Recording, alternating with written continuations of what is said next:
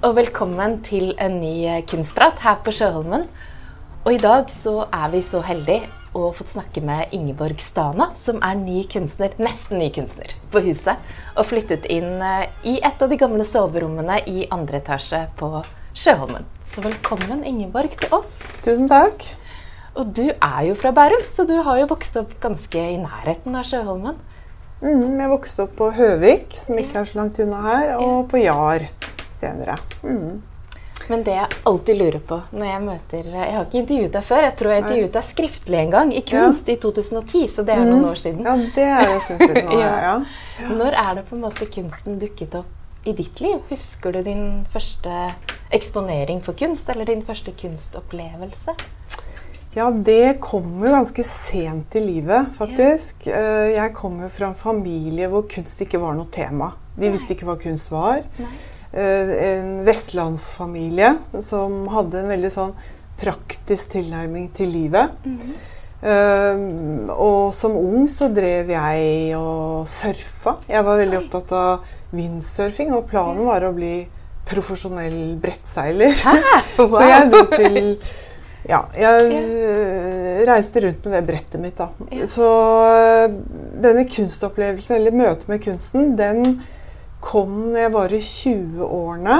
Da flyttet jeg til Firenze, Italia, for å studere restaurering. Altså konservering av ja. gamle kunstobjekter? Eller? Ja, det var mest tre, eh, trebebyggelser og treverk. Ja.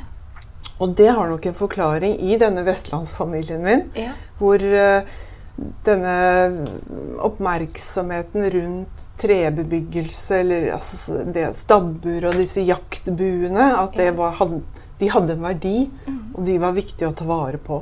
Så det, det lå nok bak der. Så det vekket nok dette, ja, dette blikket på restaurering som noe verdifullt. Så mm. da tenkte jeg restauratør, det, det, kunne jeg tenke meg å bli. Så da begynte jeg å studere restaurering i Firenze.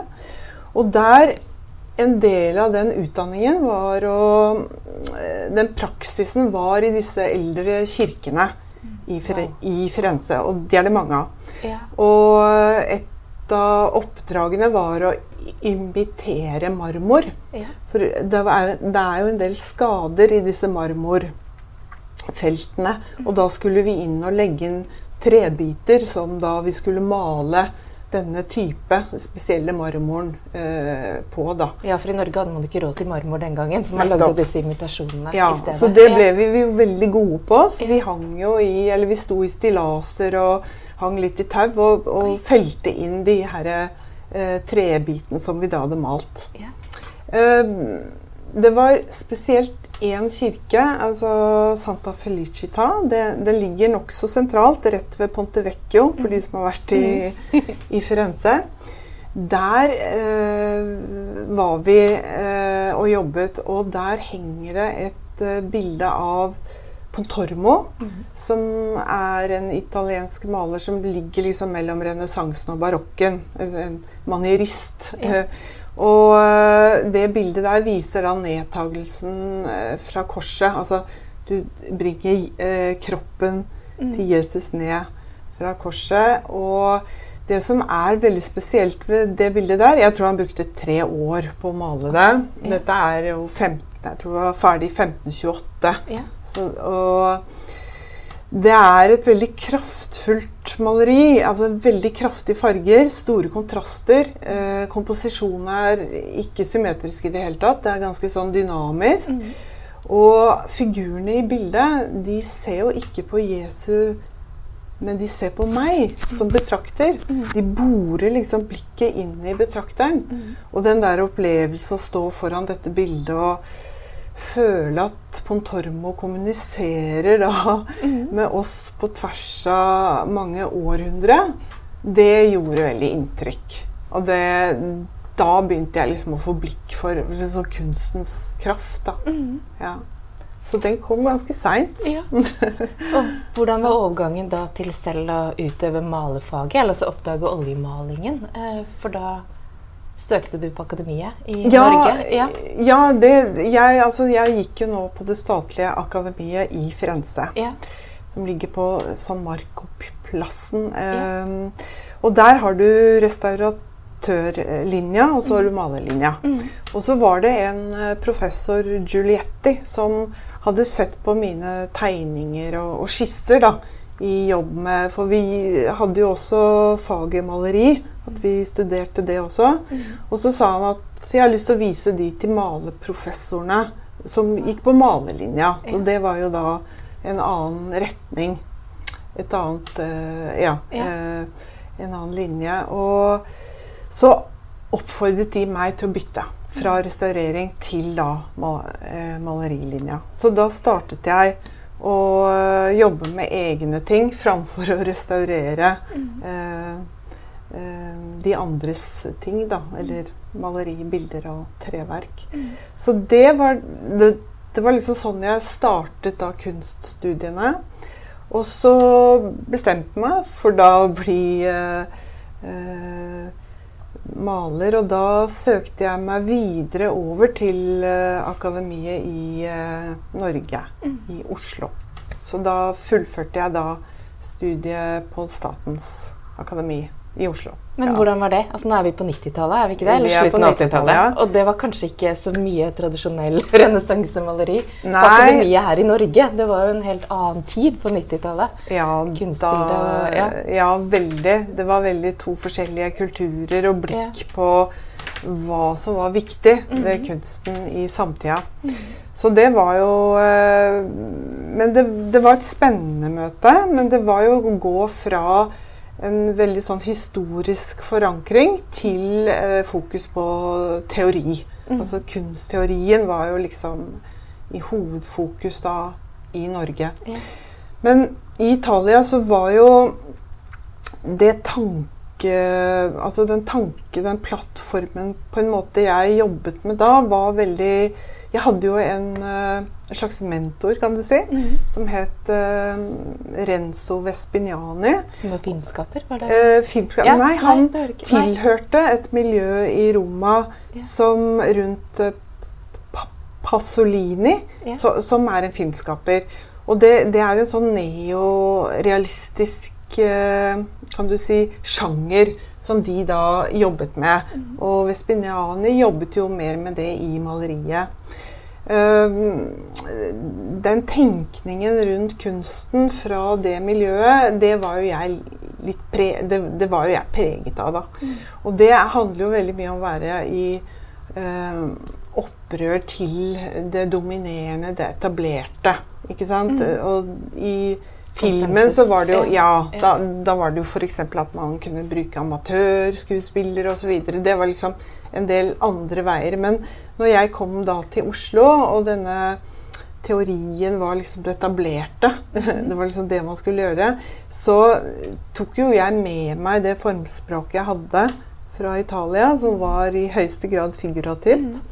Men eh, det ble jo på en måte en sånn videreføring, og jeg havnet litt mer i den eh, poetiske realismen, da, som sto ganske i opposisjon til det teoribaserte yeah. maleriet. Ja. Mm. Vi må hoppe litt sånn fort, så vi Ja, kommer oss ja, gjennom ja, alt. Men ja. eh, du, jeg har lest i denne fantastiske boken som er gitt ut av deg, at du Mm. dro av gårde da etter hvert til Paris etter at du var ferdig å studere i eh, selvpålagt eksil. Ja. ja. Ja. Eh, og da oppdaget du det som skulle bli varemerket ditt, om man kan Mm. si det. I hvert fall skiene. Kan du bare fortelle litt om hvorfor skyer, og hva er det med disse skyene? Og er det så tilfeldig at du oppdaget de eh, så tilfeldig? Ja. Eh, skyer Altså, jeg tenker eh, dette med skyer og det at man kan uh, rette blikket opp mot himmelen og skyene, kan gi deg noen nye perspektiver på uh, vårt mer hverdagslige, trivielle liv. Da. Det er liksom å flytte blikket fra det konkrete til det mer esteriske. Eh, og det er noe fascinerende ved det å prøve å fange noe som er uh, flyktig.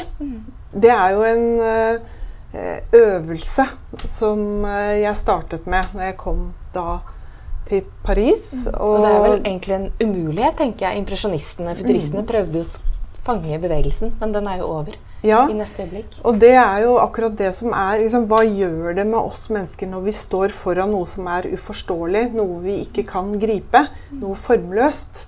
Og det er en sånn eh, et, et tema da, som har gått igjen og igjen i uh, min virksomhet. Mm.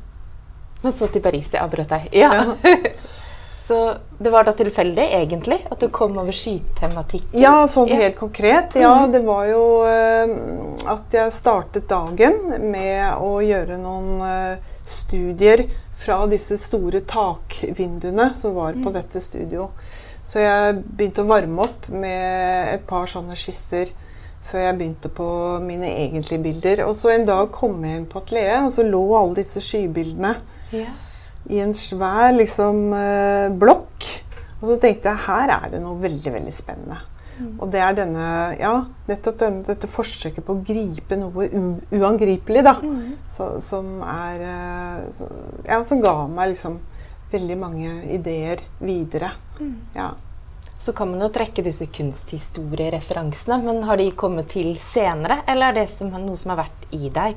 Altså med skyene til Constable, Gude, Isedal, Hertevik. Altså, det ligger jo en tradisjon der. Eh, Ja, det, du kan jo si dette Altså, nå lever jo vi i en helt annen tid enn eh, de du nevnte, da, som er mer romantikere på 1800-tallet. Uh, I dag så er jo naturen og landskapet blitt politisk. Det er jo dette eh, Altså, vi, vi er jo i en kri, klimakritisk eh, periode som eh, gjør at blikket på naturen er jo eh, fullstendig for, forandret, da. Yeah. Eh, vi, vi ser ikke lenger naturen som det naturskjønne, men det er, naturen har jo blitt en slags trussel, ikke sant? Et, eh, et eh, midlertidig En mulighet, i hvert fall, for en krise. At det, vi, vi har jo ladet det på en helt annen måte, for vi lever i en helt annen tid. så naturen har ikke det guddommelige i seg. Det er ikke denne evighetsperspektivet som man kanskje hadde før. Ja, du kan si romantikerne hadde jo dette magiske, eh, panteistiske, det guddommelige, som du sier. Mens jeg trekker jo dette mye mer, mer i det eh, altså poetiske, realistiske, hvor jeg er Jeg tenker mer på temaet mitt som det nære, da. Det hverdagslige. Det vi har rundt oss. Så ja. Det var det som kom ut av Paris-oppholdet, tror jeg. Ja. Og så har det jo vært noen andre sidetemaer underveis. Eh, denne døde huden som har Ja. kommet opp med disse strukturene. Ja. Eh, og disse skogsscenene hvor du egentlig ankrer ned, tenker jeg, enn å sveve opp. Eh, mørke, mørke skogsscener. ja, jeg har jo eh, tatt inn flere elementer i bildene mine, og jeg har også kommet ned på jorda nå. eh, horisont og også noen menneskeaktige figurer eh, som har eh, poppet opp. Eh, nei, det er altså Jeg jobber med du kan si dette med kompleksitet. Det er veldig viktig eh, i mine bilder. Eller det jeg streber etter, da. Um, og jeg jobber jo i en sånn veldig gammel uh, malerioppskrift som heter sjiktmaleriet. Som vil si at jeg jobber med tynne, tynne malerlag. Uh, og det som er fascinerende ved det, uh, den teknikken, det er at man kan i sam, på samme lerret så kan man ha forskjellige stadier eller forskjellige perspektiver inn i samme bilde. Eh, og det skaper en uh, dynamikk eller en flyktighet da, som uh, kommer veldig Som er veldig nærliggende å bruke når man jobber med skyer, da, for eksempel. For det er dette foranderlige. Men denne kompleksiteten, det handler jo også om er det, en, er det en horisont, eller er det en avgrunn? Er det atmosfærisk, eller er det jordisk? Denne eh, kompleksiteten kan man også legge inn i de forskjellige lagene. Så der prøver jeg også I noen bilder så kan jeg ha eh, dybdeperspektiv og flateperspektiv inn i samme eh, bilde. Eller eh, at det er noen veldig subtile strøk mot dette veldig grafiske, nesten. Mm. Ekspressive strøket. Mm. Uh, altså den type kontraster da, mm. kan jeg legge inn i disse sjiktene. Og det er jo det jeg gjør i Selv om jeg jobber med motiver fra mot uh, fjell eller skogen, da. Mm. Eller ja. Mm. Men hvordan er ditt forhold til naturen? Jeg tenker at som ung var du surfer og midt i elementene. Mm. Eh, har du på en måte, Finner du selv noe svar ute i naturen, eller skjer det i møte med lerretet når du står eh, her på atelieret? Du kan si eh, Jeg er jo mye ute i naturen. Mm. Og det er jo den opplevelsen jeg får når jeg er ute i naturen, jeg prøver å gjenskape mm. foran lerretet. Mm. Og eh, den er jo blitt endret eh, opp gjennom bare så lenge jeg Siden jeg var student. Mm. Fram til i nå.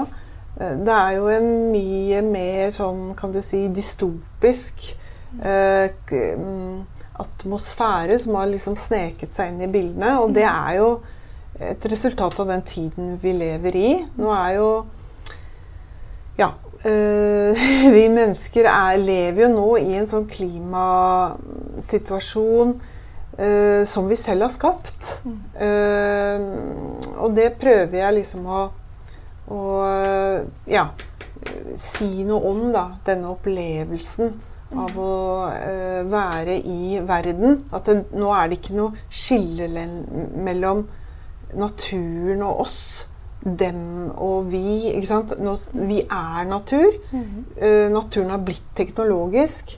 Det har liksom smeltet sammen i, i ett og samme bilde. da. Mm. Mm. Og så metoden din eh, må jo trekke frem det at den er jo en veldig sakte. Du er jo en mm. slow art. Eh, og kanskje ganske stor kontrast da, til ja. det som skjer ellers. Eh, så det er en sånn sakte, stille, gjennomgående budskap, føler jeg. Eh, mens alt det andre skjer i full fart. Mm. Ja, sjiktmaleri tar jo veldig lang tid. Ja. For det skal jo tørke mellom hver gang. Mm. Og det er, det er, en ganske sånn meditativ, kontemplativ altså måte å male på. Mm. Jeg tenker det er jo litt av kunstens verdi også, at det blir en kontrast til vår medievirkelighet, da, som er veldig hastig og uh, hurtig tempo. Mye. Men, mens kunsten er disse refleksjonsrommene man kan gå inn i og bruke mer tid. Altså mer Ja. Mm. Så, så, teknikken krever tid. Det er også en kvalitet, tenker jeg. At du mm. blir der lenge. Og du må være der og mm. roe ned tempoet for at uh, teknikken da skal kunne praktiseres. Ja. Mm. Jeg husker jeg snakket med Eva Langås, hun ja. døde for noen år siden. Ja. hun har på en måte et litt annet uh, fargespråk enn deg. Ja. Men hun sa jo at hun brukte landskapet som en politisk kunst. Og dette var jo veldig vakre, stille landskap hun malte. Så jeg mm. tenker litt på det samme. Hvordan dette vakre, stemningsfulle er potent og politisk. Mm. Og det, det, er jo nå Det ligger jo veldig mye i blikket hos betrakteren. Mm. For det er jo den virkeligheten vi kommer inn og assosierer med når vi ser kunst. da. Mm. mm. Før vi avslutter, så må du bare snakke litt om disse hudbildene, som er på helt siden. Har du noen ord om uh, hvorfor kom de inn eh, blant skyer og landskap og skog? Ja, nei, altså Hudbildene det er jo en serie um, Noen av de henger på Rikshospitalet, faktisk. Mm. Uh, nei, det er jo dette hvis, hvis, du går veldig tett på mennesket og menneskets natur, eller hud, da, mm. så er det nesten som å se inn i en galakse. Hvis du går via mikroskopet, som jeg gjorde. Da. Så det blir en sånn mikro-makro eh, Ja, et mikro-makro-perspektiv da, mm. som jeg syns er eh, Som jeg syns den gang da mm. var, eh, var veldig spennende. Ja. Men i denne boken så trekkes det fram vitenskapen også. Ja. Eh, altså Kunst og vitenskap har jo gått hånd i hånd siden eh, tidlig. tidlig. Ja, ja, den Det er mye vi kan det er en sånn synergieffekt, selvfølgelig, mm. som er veldig spennende. Og jeg tenker vel sånn som I må, måten jeg jobber og maler på, så sier jeg ofte at jeg, jeg starter mer som en uh, kjemiker, nesten en vitenskapsperson, da, så, som tenker ut liksom Er det dag jeg skal favne, eller natt? ikke sant? Da må jeg vite det i forhold til hvilken maling jeg starter med. Mm. Sånn fargen som ligger under og skal vibrere igjennom. Men på et visst punkt så må jeg løsrive meg fra alle planene og alle oppskriftene mm. og bli mer eh, poet. da. Mm. At det, ja, det må bli intuitivt, assosiativt. Og jeg må jobbe mye mer spontant. Så jeg begynner som en kjemiker og slutter som en ja, poet. Ja. Det er liksom gangen i det. Mm. mm. Det siste spørsmålet jeg hadde notert meg før vi skulle mm. snakke i dag. Eh, er det håp, eller er det Er vi på en måte Er vi et vanskelig sted i bildene dine? Eh, jeg syns det er vanskelig å gripe Ja, det er jo er Det er opp til betrakteren å ja. avgjøre. Ja. ja.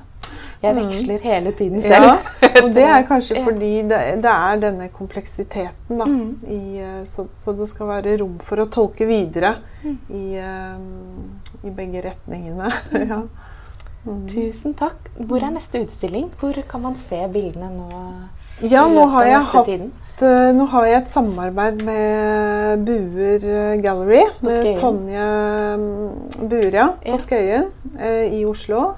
Og der stiller jeg nå ut jevnlig eh, på gruppeutstillinger og separatutstillinger. Så der blir det vel noe etter hvert. Ja. Mm. Og grafikken din kan man også finne ja, på Fineart? Ja, ja, Fineart og flere samarbeidspartnere rundt omkring i landet, faktisk. Ja. Vi er mm. veldig glad for å ha deg her på Sjøholmen. så tusen, tusen takk for uh, praten. Tusen takk. Ja. Hei, hei. og tusen takk til dere. Så ses vi om ikke så altfor lenge igjen. Ha det godt.